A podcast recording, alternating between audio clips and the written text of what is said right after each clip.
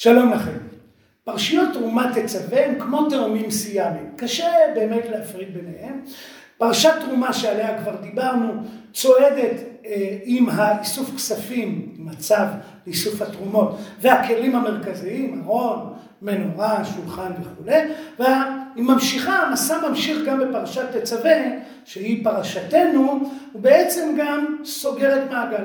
בסוף פרשת תרומה כתוב ככה לקראת הסוף, ושכנתי בתוך בני ישראל, והייתם להם לאלוהים, וידעו כי אני אדוני אלוהים אשר הוצאתי אותם מארץ מצרים, לשוכני בתוכם אני אדוני אלוהים. הפסוקים האלה בפרק כ"ט מחזירים אותנו אל פרק כ"ה, ממש בסוף פסוקי ההתרמה, אומרת התורה, ועשו לי מקדש ושכנתי בתוכם. בעצם נוצרת פה איזושהי מסגרת שמתחילה בפרק כ"ה ומסתיימת בסוף פרק כ"ט. אבל כשמעיינים קצת יותר לעומק בחתימה, מגלים דבר מעניין. אומרת לנו התורה כך, בסוף פרק כ"ט, פסוק ל"ח, וזה אשר תעשה על המזבח. התורה עוסקת עכשיו בדיני המזבח, בעצם מתארת לנו את קורבן התמיד. על מזבח כבשים בני שנה, שניים ליום תמיד, את הכבש האחד תעשה בבוקר, את הכבש השני תעשה בין הארבעים. עיסרון, כלומר צריך להוסיף סולת בלול בשמן, וגם נסך רביעי טעים, קורבן בא עם מאפה, קורבן בא עם יין, ואת הכבש השני תעשה בין הארבעים כמנחת הבוקר, וכן לזכור, תעשה לה לריח לכוח של אדוני. וממשיכה התורה ואומרת, עולת תמיד לדורותיכם פתח אוהל מועד לפני אדוני, אשר יוועד לכם שמה לדבר אליך שם, ונועדתי שמה לבני ישראל, ונקדש בכבודי. קידשתי את אוהל מועד המזבח, את אהרון ואת בניו אקדש לי, ושכנתי וכולי וכולי. סיום החטיבה הזו הוא פרשיית המזבח, באופן ממוקד, עניין קורבן התמיד. אבל הפסוק אומר לנו, עולם תמיד לדורותיכם. פתח אוהל מועד לפני אדוני אשר יוועד לכם שמה לדבר אליך שם. איפה זה שם? כשאני קורא את הפסוקים ברצף עולה התחושה שהמדובר במקום המזבח. הרי התורה עוסקת פה בדיני המזבח וגם אומרת לנו עולה תמיד לדורותיכם פתח אוהל מועד אשר יוועד לכם שמה. המילה שמה לכאורה חוזרת אל מה שהפסוק עצמו אומר אל פתח אוהל מועד ואל המזבח. הדבר הזה עומד בסתירה לפרשיית הארון. התורה התחילה בפרשת תרומה בצו לאיסוף תרומות. אחר כך היא עברה לדבר על הארון, שכבר דיברנו על זה בשיעור הקודם, שמדובר בכלי המרכזי החשוב ביותר, כיסאו של הקדוש ברוך הוא יושב הכרובים והארון הוא אדום רגליו, ושם אומרת התורה, ונועדתי לך שם, שימו לב למילים המאוד דומות, ודיברתי איתך מעל הכפורת מבין שני הכרובים אשר על ארון העדות, כל אשר רצה אותך את בני ישראל. אז איפה אלוהים מתגלה? איפה אלוהים נועד? והמילה נועד היא מאוד חשובה, משום שהמקום נקרא אוהל מועד. המקום הזה הוא מקום התוועדות של הקדוש ברוך הוא לעם ישראל. איפה הוא נועד? בפרק כ"ה, בפרשת תרומה, כתוב שהוא נועד באופן מפורש שם. ושם מפורש ודיברתי איתך מעל הכפורת. ואילו אצלנו, לכאורה, הביטוי שם חוזר אל עניין המזבח. חז"ל, שהוטרדו מאוד מן השאלה הזו, פתרו אותה על דרך שני כתובים המכחישים זה את זה, עד שיבוא הכתוב השלישי ויכריע ביניהם. בפרשת הנשיאים בספר במדבר, אחד הפרקים הארוכים בתנ"ך, בתורה, אומרת התורה כך, ובבוא משה אלוהי מועד לדבר איתו וישמע את הכל מתדבר אליו מעל הכפורת אשר על ארון העדות מבין שני הקרובים מדבר אליו. וממילא הוכרעה, הוכרעה השאלה שלנו, אלוקים מתגלה מעל הכפורת. אלא שמשה, לפי הפירוש הזה, עומד בפתח ומקשיב לקדוש ברוך הוא. כך רש"י על אתר מציע, והאמת היא שאין זה הפירוש היחיד, גם בדברי חז"ל אפשר להציע יותר מהצעה אחת. אפשרות שהוא נכנס פנימה וזוכה שם לדבר השם.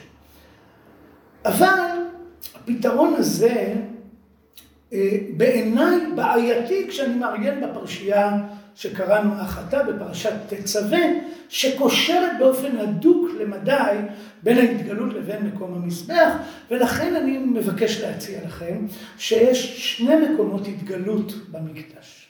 הרעיון הזה עלה כבר אצל כמה פרשנים, למשל ארליך הציע שהארון הוא מקום ההתגלות הקבוע, והמזבח הוא מקום ההתגלות בחנוכת המשכן.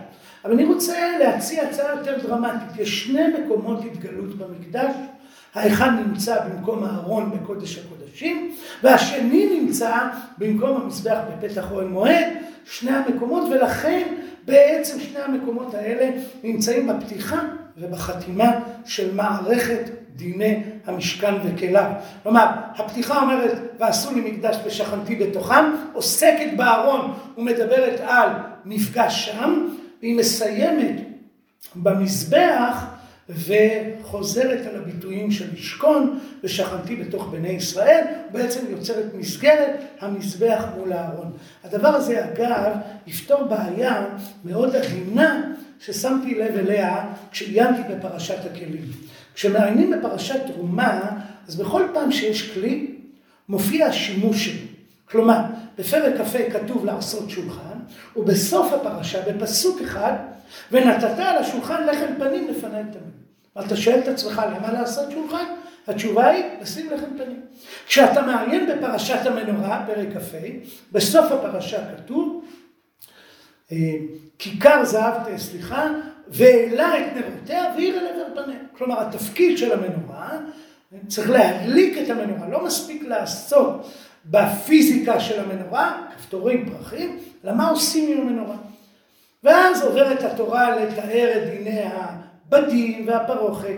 כשהיא מדברת על המזבח בפרק כ"ז, כבר עשית את המזבח עצי שיטים, בסוף לא כתוב מה עושים עם המזבח.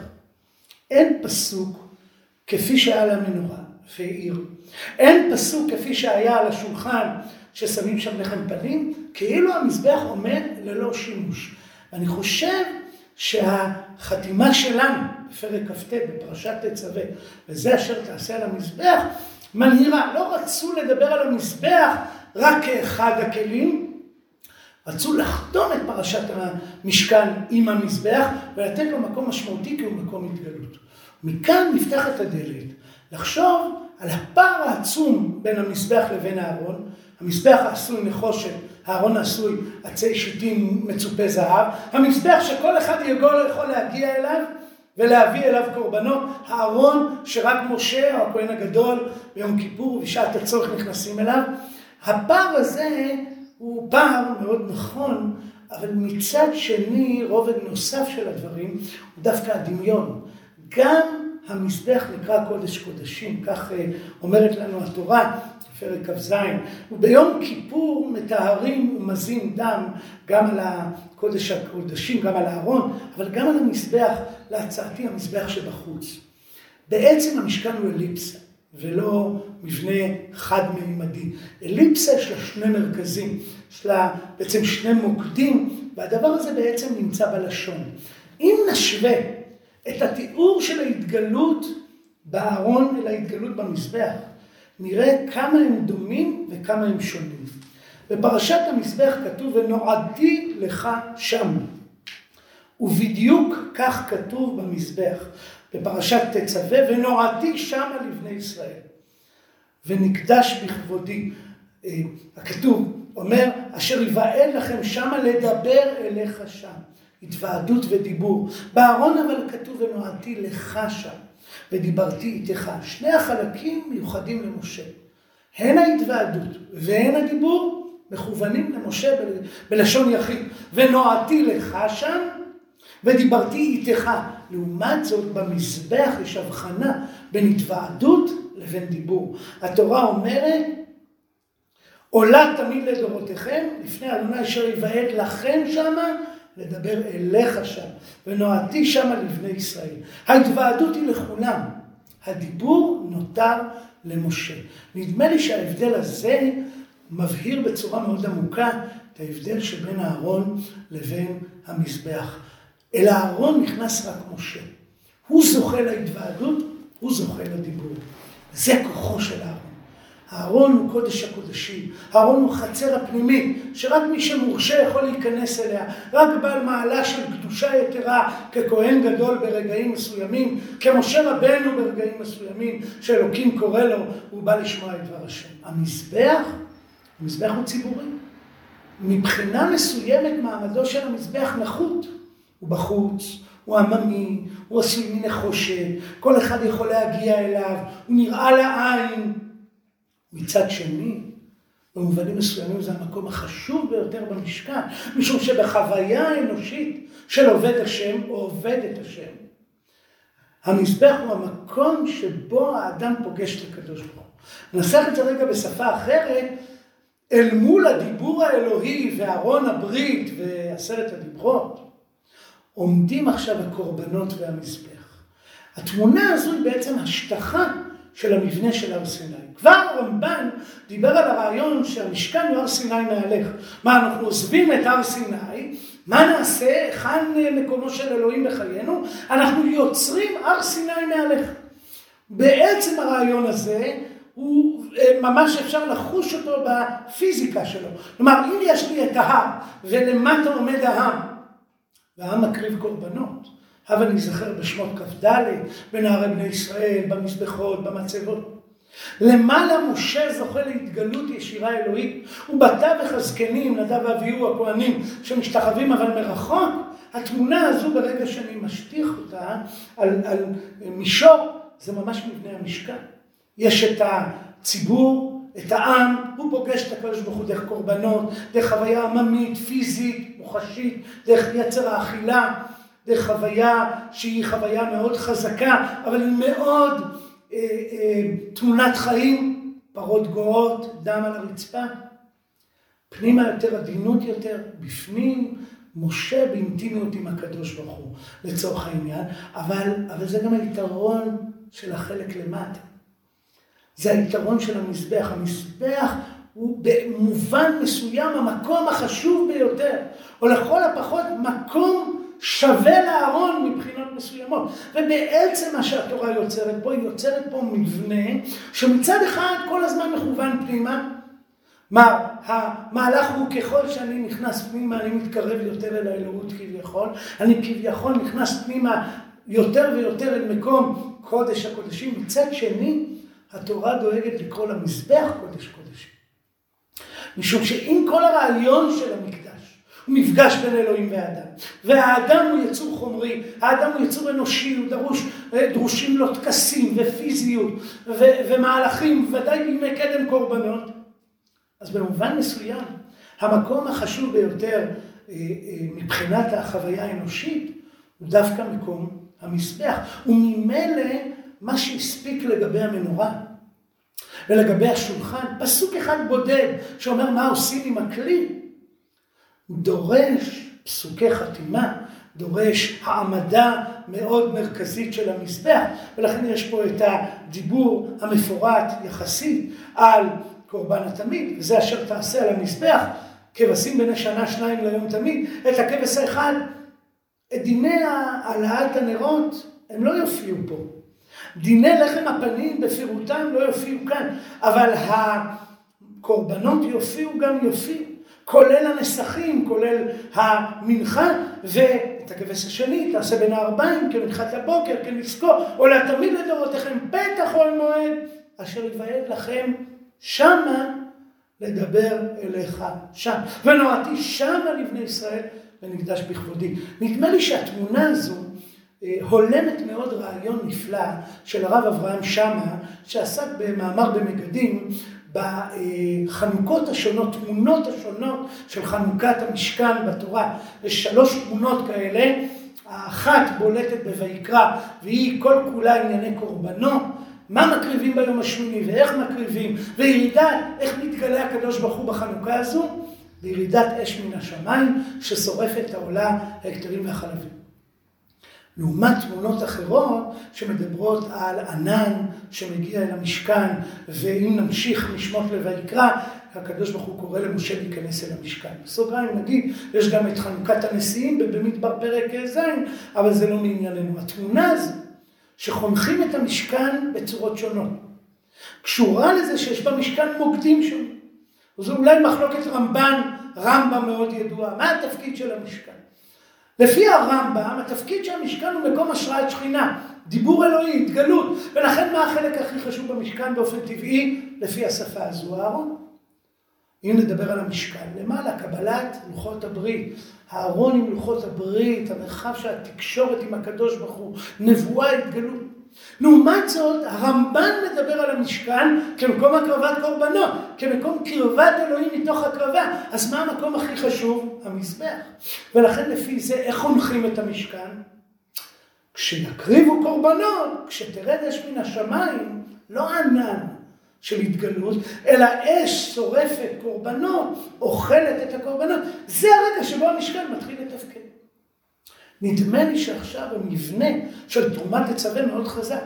שכנתי, עשו לי מקדש שכנתי בכבודתוכם. שכנתי בתוך בני ישראל. פרשת אהרון, פרשת המזבח, משום שיש שני מוקדים בעצם למשכן. והתמונה הזו נעה על הציר שבין המעמד הגדול למעמד הקטן בהר סיני.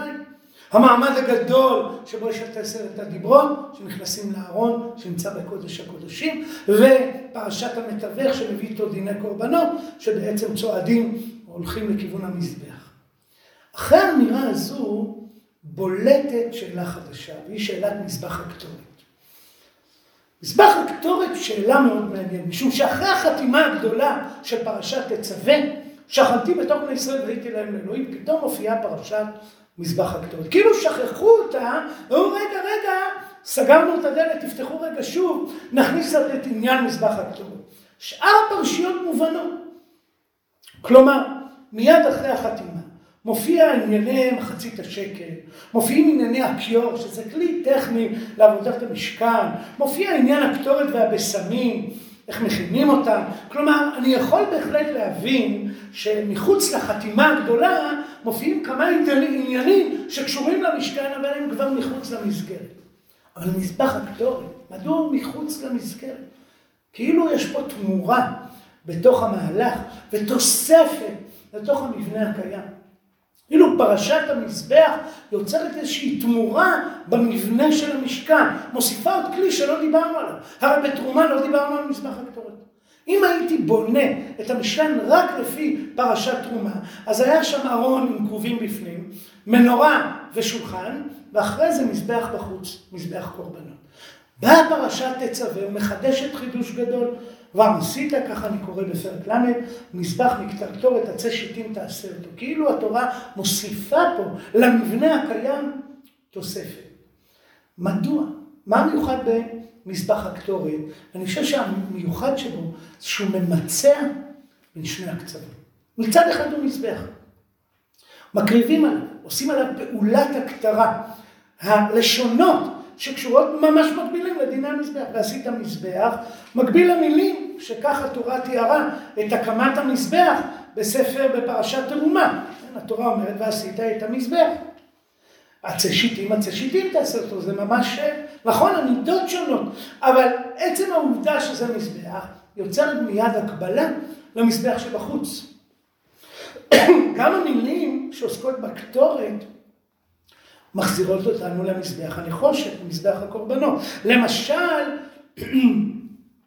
אה, והקטיר עליו אהרון כתורת סמים בבוקר בבוקר, ובעלות אהרון בין הארבעים יקטיר, זה ממש המילים שעוסקות בדיני הקורבנות, ומדברות על בבוקר, ומדברות על בין הארבעים, אותם מילים פרשת המזבח. מצד שני, המזבח הוא זהב, המזבח בפנים, לא מקטירים, לא מקריבים עליו קורבן חי, אלא מקטירים קטורת, איזה משהו כזה עדין. יותר מזה, התורה דוחפת את המזבח פנימה, אפילו ברמה הספרותית, והיא אומרת לנו ככה, ועשית את הבדים ארצי שיטים, וציפית אותם זהב. ושימו לב לפסוק הבא, ונתת אותו לפני הפרוכת, אשר על ארון העדות, לפני הכפורת אשר על העדות, אשר יבהג לכם שם. התורה ממש מדגישה לא רק שמזבח הקטורת יהיה בפנים, אלא הוא יהיה מול הארון. היא מכוונת אותנו, ואפשר עכשיו להתווכח, האם יש פה משולש שהמרכז שלו זה מזבח הקטורת הקרוב יותר אל הפרוכת, והמנורה והשולחן מאחור, או שהמנורה והשולחן מקדימה והמזבח נמצא באמצע, אבל זה משולש שפניו פונים החוצה. אבל המזבח הוא בעצם ממצע בין השפה של אהרון, שהיא שפה יותר מופשטת, שהיא שפת הזהב, שהיא שפה של התגלות, לבין המזבח שמדבר בסופו של דבר על כלי הקרבה שבו מעלים דברים, אולי הריח הוא המיצוע שבין הבשר לבין הרוח. אולי הריח של הקטורת, או הענן של הקטורת, הם היכולת להתקרב מבלי להתקרב. נדמה לי שהתמורה שאנחנו עומדים עליה פה, היא שהתורה בהתחלה מציבה שתי עמדות יסוד. שני מרחבי דעת אלוהים, שתי תמונות, שני מרכזים, שני מוקדים, שבהם ידיעת השם שונה בתכלית השינוי האחד מן השני. אחר כך באה התורה ואומרת, ואפשר גם שבמשכן יהיה נקודת מרכז שהיא מאחדת את שני הקצוות. באמת, אם הקטורת נכנסים פנימה, ובסיפור המגפה עם הקטורת יוצאים החוצה. הקטורת מחברת, מאפשרת כפרה, גם בחוץ וגם בפנים. יש בה עניין מיוחד, פיזי לא פיזי, ענן קטורת, שיש בו מימד של ריח, אני מחבר פה כמה חיבורים שצריך לדון בהם, אבל אני חושב שעכשיו הפרשה בנויה התורה, פרשת תצווה, סוגרת מעגל עם פרשת תרומה, מציבה מוקד אלטרנטיבי, בשלב הבא יש תמורה שמאזנת ומחברת בין שני הקצוות, בבחינת מזבח ממצע בין המפגש המופשט למפגש המוחשי.